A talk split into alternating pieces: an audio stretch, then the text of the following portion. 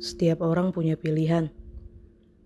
Mau dia suka sama seseorang yang padahal udah jelas membuat dia jauh dari banyak orang, khususnya orang terdekatnya.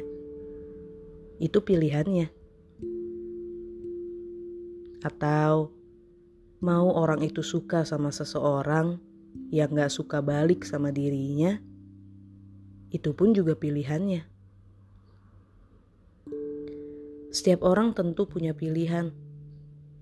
Mau dia jadi anak nakal, terus bikin risih semua orang, bikin khawatir orang terdekatnya, dan bahkan bikin banyak orang sakit hati sama sikapnya. Tentu juga itu pilihannya. Dan mau orang itu jadi anak baik-baik, gak pernah ikut kenakalan yang terjadi di sekitarnya, itu juga termasuk pilihannya. Semua orang di dunia ini bebas memilih, apalagi kalau soal jalan hidupnya.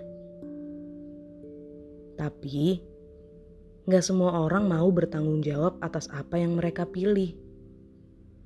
Dan bahkan, tak jarang juga banyak orang yang justru akhirnya menyalahkan orang lain ketika pilihannya menjatuhkan dirinya kelak.